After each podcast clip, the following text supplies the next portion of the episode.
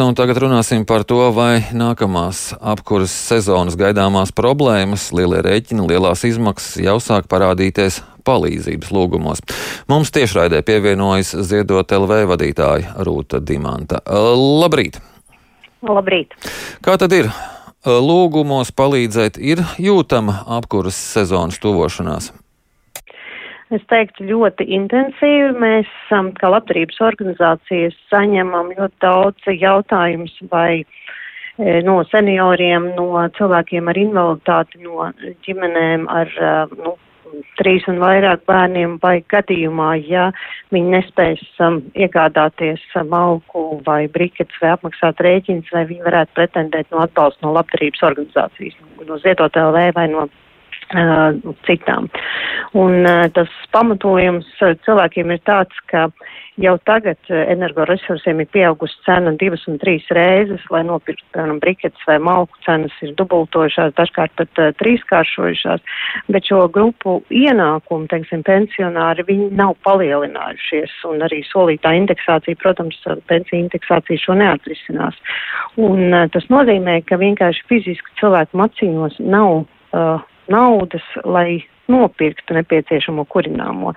Tiem um, iedzīvotājiem, kuriem uh, nu, apkuri nāk uh, pa nu, trubām pa gāzes, ir centralizēta apkure. Šādas um, problēmas vēl nav. Viņiem varbūt būs tad, kad viņi nevarēs samaksāt, bet tiem, kam ir jāiegādājās kurināmais iepriekš, vienkārši to fiziski nevar izdarīt. Un uh, tā, tā, tas uztraukums ir tāds, ka nav uh, mums kā labdarības organizācija īsti joprojām nav skaidrs, kāds būs valsts un pašvaldības atbalsts šajā situācijā un ar ko cilvēkiem rēķināties un ar ko tad mums kā labdarības organizācijai vērsties pie sabiedrības, pie tiem, kuri varbūt varētu palīdzēt, lai palīdz mazāk. Uh, ko tad jūs šajā situācijā atbildat šiem, šiem cilvēkiem? Nu, mēs pieņemam šos, šos, šos lūgumus. Mēs pirmām kārtām lūdzam vērsties savā pašvaldībā, un to es arī visiem iesaku, lai vērsties savā pašvaldībā, jo būs, nu, ir runas, ir ziņas, ka būs jauns mājokļa pabalsta aprēķina veids, un iespējams, ka cilvēki vēl pirms apkurses sezonas varēs to izmantot, lai iegādātos kurināmo. Ja no pašvaldības sociālā dienestas tiek saņemts no atteikums tad droši, lai vēršās atpakaļ pie labdarības organizācijām un arī pie Ziedot LV. Un tad, protams, mēs mēģināsim lūgt līdz cilvēkiem, eh, palīdzēt citiem līdz cilvēkiem. Bet, nu, jāsaprot, ka pilnīgi visai sabiedrībai šie izdevumi palielinās arī.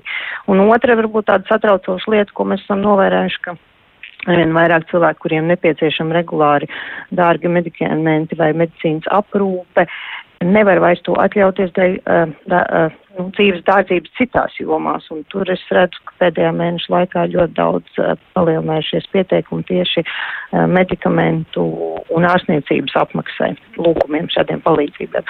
Nu, pagaidām ir tā, ka Latvijas sabiedrība spēja viens otram palīdzēt un ziedojam Latvijas iedzīvotājiem tiem, kuri vēršas pie mums. Mums izdodas palīdzēt, bet no nu, tādām zināmām bažām, protams, raugamies uz rudeni. Jūs sacījāt par šiem cilvēkiem, kuriem tagad trūkst naudas medikamentiem. Bet vai te nav kāda korelācija ar to lielo atbalstu, kas, kas ir saņemts saistībā ar notikumiem Ukrainā, atbalstu Ukrainai, vai tur ir kas samazinājies dēļ tā atbalsta šiem cilvēkiem?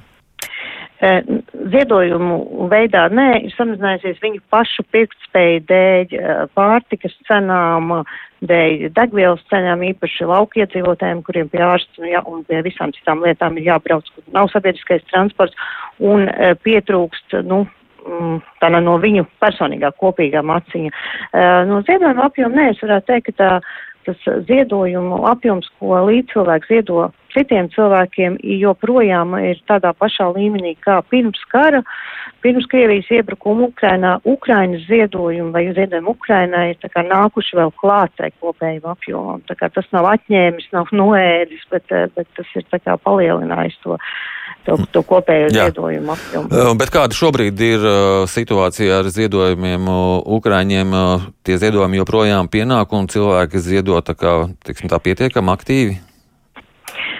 Protams, ziedojuma plūsma ir mazinājusies, un tas ir saprotams, jo šeit um, ir arvien lielāki izdevumi pašiem Latvijas iedzīvotājiem un arvien grūtāk ir palīdzēt kaimiņiem, taču jāsaka, ka tādiem mērķētiem pro projektiem, kā piemēram mums pašlaik ir atbalstu, mēs vācam tiem, kas uh, latviešu brīvprātīgiem, kas karo Ukrainā vai e, mikroķirurgu atbalstam, tas ziedojumu, nu, ziedojumi ir, bet viņi, protams, nav tikpat lieli kā kara sākumā, un to arī iz, izjūt paši Ukraiņi. Mēs saņemam vien vairāk lūgums no Ukraiņu dažādām labdarības organizācijām un arī no Ukraiņu pašvaldībām par to, ka ir nepieciešama gan pārtika, gan silts apģērbs ziemai, lai varētu, nu, īpaši tie, kas ir pārvietoti Ukraiņas iekšpusē, skaidrs, ka viņi nav pārvietojušies ar visu iedzīvi, viņi varbūt ir drošos apstākļos, bet viņiem nav ne ziebas zābas, ne, ne mēteļas. Tā ir tā, tā nākamā tā kā tendence. Tad par šobrīd, kas galvenais, kas nepieciešams runājot par Ukraiņu, tā ir pārtika un apģērbs. Vai ir vēl kaut kas? Protams, protams, arī aizsardzības lietas, tās pašas mašīnas, bruņu bestes, e, droni un tā tālāk. Nu, tā kā divas lietas, viens, lai viņi varētu noturēt to līniju. Protams, ka nāk šie lielie, lielie palīdzības, nu, militārā palīdzība no, no visas pasaules, bet, nu, tādā, uh, vietējo teritoriālo aizsardzības vienību nu, situācijā joprojām pietrūkst daudzas elementāras lietas, kā piemēram kuļām maistas, un, un, un, kas ir e, frontē nepieciešami, lai, lai tagad tuvojoties ziemai.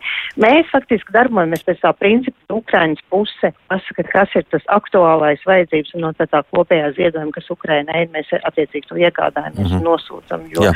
nu, no malas ir grūtāk pateikt, kā no iekšpuses. Jā, es teikšu jums paldies par šo sarunu. Atgādinu, ka mēs sazinājāmies ar Ziedot LV vadītāju Rūtu Dimantu.